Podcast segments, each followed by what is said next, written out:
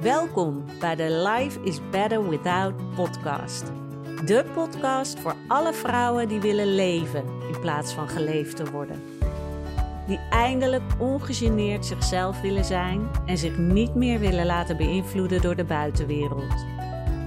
Als mindset coach en psychica-facilitator weet ik dat dit kan. En daarom deel ik in deze podcast al mijn tips en inzichten op het gebied van mindset, zelfliefde, spiritualiteit en het creëren van een leven dat wel past bij de persoon die jij bent. Dus ben jij klaar met al je angsten, onzekerheid en die continue stroom aan negatieve gedachten? Blijf dan luisteren. Want ook jij kan weer genieten en in charge zijn van jouw leven.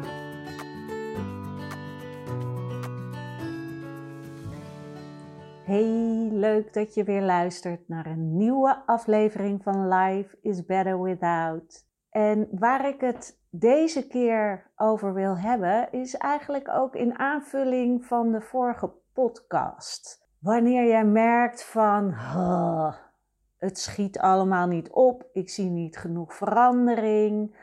En dat kan ook zijn als je al van alles eraan hebt gedaan. Het kan zelfs zijn als je bijvoorbeeld een psychica-sessie hebt gehad, waarbij je dus je belemmerende overtuigingen transformeert naar helpende overtuigingen en die rechtstreeks in je onderbewuste zet. Ook dan kan het voorkomen dat je zoiets hebt van, hmm, nou, ik weet het niet hoor, voor mij werkt dit niet. Of je gaat snel weer terug naar oud gedrag. En de vorige keer heb ik natuurlijk besproken over van keep your eye on the prize. Weet je, kijk goed naar waar je naartoe wil. In plaats van de, ja, de korte termijn dingen waar je nu middenin zit. En wat hier ook heel erg bij kan helpen, is om op zoek te gaan, zoals we dat dan noemen, naar de secondary gains. Dus de secundaire winsten. En wat daarmee bedoeld wordt, is waarom is het voor jou moeilijk om daadwerkelijk te veranderen? En om daarachter te komen, kan je jezelf de volgende vraag stellen.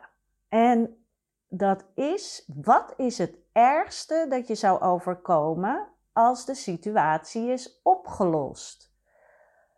En dat kan dus op alle manieren. Misschien gaat het over uh, je wil uh, minder conflict op je werk of in je relatie.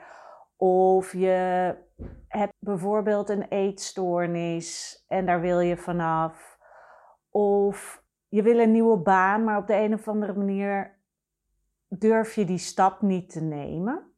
Ga jezelf eens de vraag stellen: wat is het ergste dat je zou overkomen als de situatie is opgelost?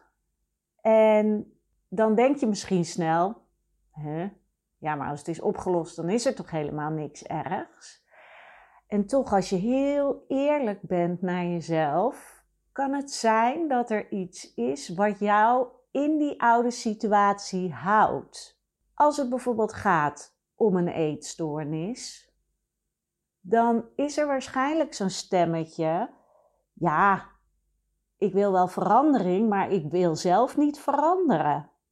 Want ik wil niet het lijf kwijt wat ik nu heb. Of misschien heb je wel heel veel overgewicht en dat er onbewust is: ja, maar als ik hiermee stop, dan word ik zichtbaar. En dat vind ik heel erg eng. Terwijl het, het oppervlakteprobleem is wat je denkt van, ja, maar ik wil afvallen.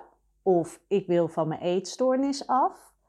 Maar wat daarachter kan zitten, is dat je bijvoorbeeld heel bang bent dat jij gaat veranderen en dat je gezien wordt. En dat kan op allerlei manieren. Of bijvoorbeeld in je familie doet iedereen een beetje hetzelfde. En ehm, heb jij onbewust het idee, ja, maar als ik verander, verlogen ik mijn familie. En rationeel gezien kan je denken, ja, dat is eigenlijk belachelijk en dat slaat nergens op, want ik hou nog steeds evenveel van mijn familie, uh, ook als ik wel succesvol ben. Maar onbewust zit dat er dus in. En een ander mooi voorbeeld was, ik ga even proberen of ik het goed na kan vertellen, dat was een vrouw en die had heel erg last van de knie, volgens mij, ja. En nou, die bleef daar maar mee zitten en die had ook allerlei overtuigingen al geshift over waar dat dan aan zou kunnen liggen. Want het heeft, kan ook heel erg te maken hebben met echt lichamelijke ongemakken. En wat bleek nou? Er zat een overtuiging achter die te maken had met iets wat ze had meegemaakt terwijl ze op de fiets zat met haar dochter achterop. Ze was gevallen met de fiets en nou, uiteindelijk is het redelijk goed afgelopen, maar dat heeft natuurlijk heel erg impact gehad, juist omdat ze met haar dochter op de fiets zat. En nou, ze kreeg wel last van haar knie door die val, maar op de een of andere manier heeft ze dat vast willen houden, omdat ze een schuldgevoel had dat zij met haar dochter van de fiets was gevallen. En toen ze daarop helpende overtuigingen heeft, hoe zeg je dat, in de onderbewuste heeft gezet, kon zij ineens haar knie weer normaal bewegen en ging de pijn uiteindelijk ook weg. En dat is dus zo bizar dat dus dingen die echt ver onder de oppervlakte liggen, die je helemaal niet doorhebt, kunnen zorgen dat jij die verandering, die positieve verandering niet doormaakt. Omdat je dus vasthoudt aan iets wat je eigenlijk onbewust niet kwijt wilt raken. En het zijn dus vaak dingen waarvan je denkt: hè, dat slaat toch nergens op? Je wil dat toch kwijt? Dat wil je niet. Maar dat is dus zo mooi. En als je er nou, als je nou denkt, hmm, uh, ik kom er niet echt achter, kan je ook nog de vraag inderdaad stellen van wat, wat zou je het meeste gaan missen als iets er niet meer is, als iets is opgelost? Of wat is het mooiste of fijnste dat je zou overkomen als de situatie blijft bestaan? En dit zijn echt van de. Ik zal ze de vragen ook in de um, show notes zetten. Want het is goed om voor jezelf even echt de tijd te nemen als je denkt van ja, hallo, ik ben nu al zo lang met dit bepaalde onderwerp bezig en ik zie geen verandering. Ga dan eens heel eerlijk antwoord geven op die twee vragen. Want het kan inderdaad ook zijn van ja, wat gebeurt er als je ineens succesvol wordt? Dan moet je wel dan moet je ineens verantwoordelijkheid gaan nemen. En misschien vind je dat wel hartstikke eng. Of inderdaad heb je het gevoel dat je beter wordt dan je ouders met iets. Of je broers of zussen. En dat ze je misschien niet meer leuk gaan vinden. Of dat je geen onderdeel meer uitmaakt van een groep. En daar ligt dus heel vaak ook een oorzaak van dat die verandering, die positieve verandering die je eigenlijk zo graag wil, niet doorzet. Omdat je daarin wordt tegengehouden door die secondary gains. Die secundaire winsten van, die er te vinden zijn in het blijven zoals het is. Want een verandering krijgen in je leven kan niet zonder dat jij enigszins zal moeten veranderen. En dat is natuurlijk ook heel eng. Want, ha, Weet je, uh, gaan je waarden en normen dan veranderen? Vinden mensen je nog wel aardig? Uh, vind je het überhaupt leuk nog om met een bepaalde vriendengroep om te gaan of niet? Gaan mensen anders naar je kijken? Tuurlijk, dat is ook heel eng. Het is alleen wel noodzakelijk. Wil jij echt dat jouw leven gaat veranderen? En in sommige dingen kan het, kunnen het kleine veranderingen zijn, maar het veranderen van jouw overtuigingen brengt met zich mee dat jij dus ook verandert. En dat wil niet zeggen dat jij een heel ander persoon wordt, maar er zullen dingetjes veranderen in hoe jij jezelf presenteert. Als jij zelfverzekerder wordt en als jij met meer zelfvertrouwen naar buiten treedt, dan zal jij anders overkomen op mensen. Dus dat is wel iets wat je mag realiseren en wat je echt mag gaan omarmen.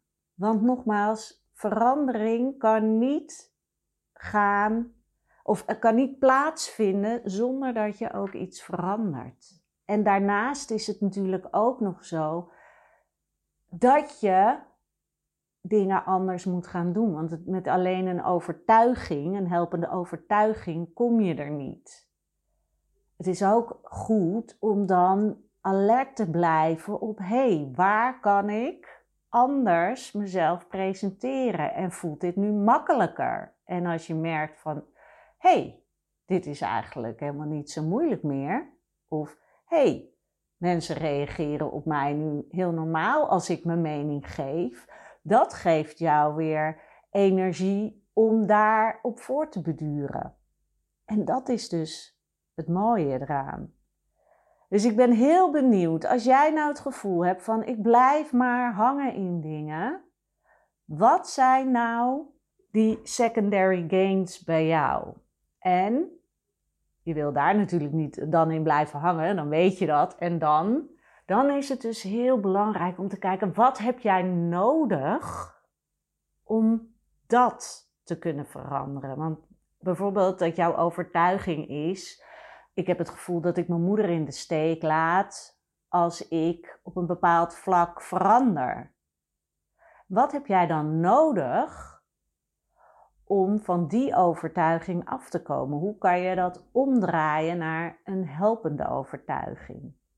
En dat is dus ook waar ik in mijn sessies met vrouwen mee bezig ben. Om echt te gaan zoeken, oké, maar hoe kan je dat dan oplossen? Wat heb jij daarin nodig en wat voelt sterk en veilig om in jouw onderbewuste te zetten, zodat je het los kan laten en wel die verandering in gang kan gaan zetten. En dat is ook het fijne als je het samen met iemand doet, dan kom je achter die blinde vlekken.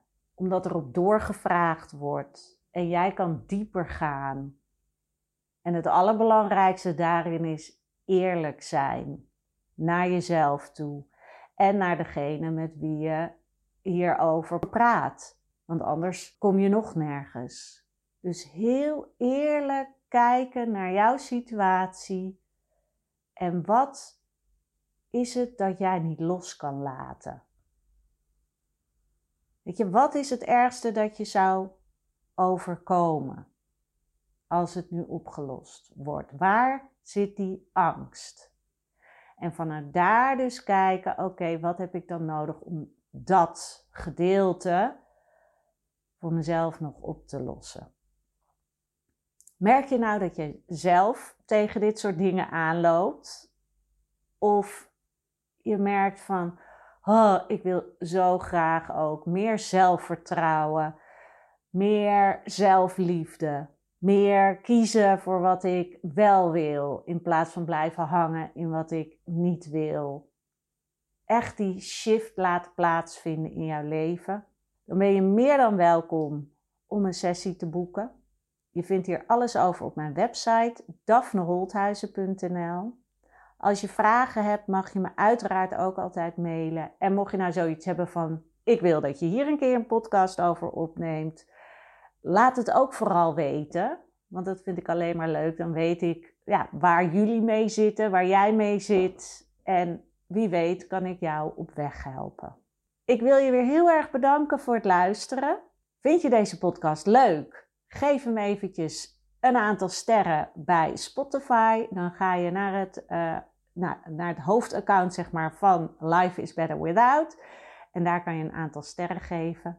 Volg de podcast ook, zodat je weet wanneer er weer een nieuwe online is. En dan zie ik je of spreek ik je bij de volgende.